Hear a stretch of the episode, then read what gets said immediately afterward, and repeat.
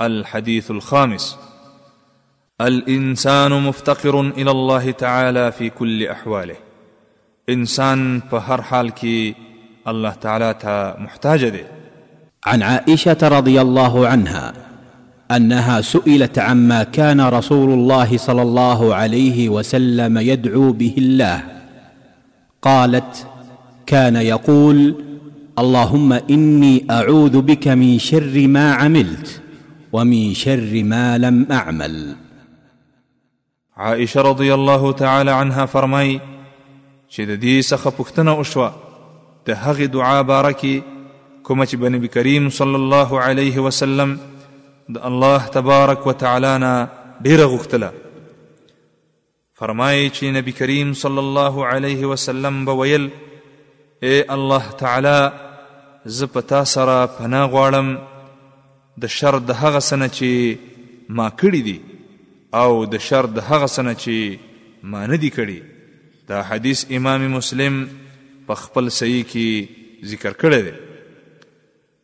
د دې حدیث راوي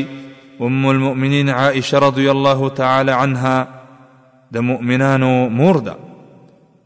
د نه کالو په عمر و چې نبی کریم صلی الله علیه وسلم ورسره نکاح وکړه او چې کله نبی کریم صلی الله علیه وسلم وفات شو عائشه رضی الله تعالی عنها د اتلس کالو په عمر و د ډېرې پوهې خاونده وه او په کرم او سخاوت کې بې سارې وه، آن تر دې چې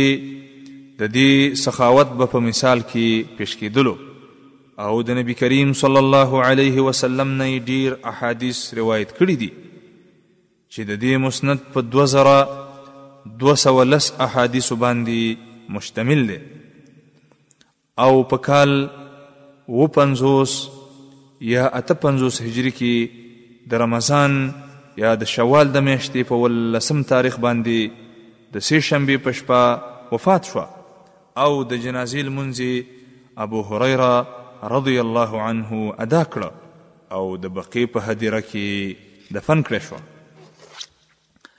من فوائد هذا الحديث د دې حدیث د فوائد څخه اول مسلمان لره باید د چې د ګناهونو څخه ځان وژغوري ځکه د ګناهونو په وجه انسان بدبخت کیږي دوهم دا حدیث انسان هڅوي چې باید د ټول شرونو د ټولو شرونو نه په الله تعالی پورې پناه وغواړي ځکه چې انسان په هر حال کې الله تعالی ته محتاج دی دریم دا حدیث وضاحت کوي چې پناه ورکولو والا ذات یوازې الله تعالی دی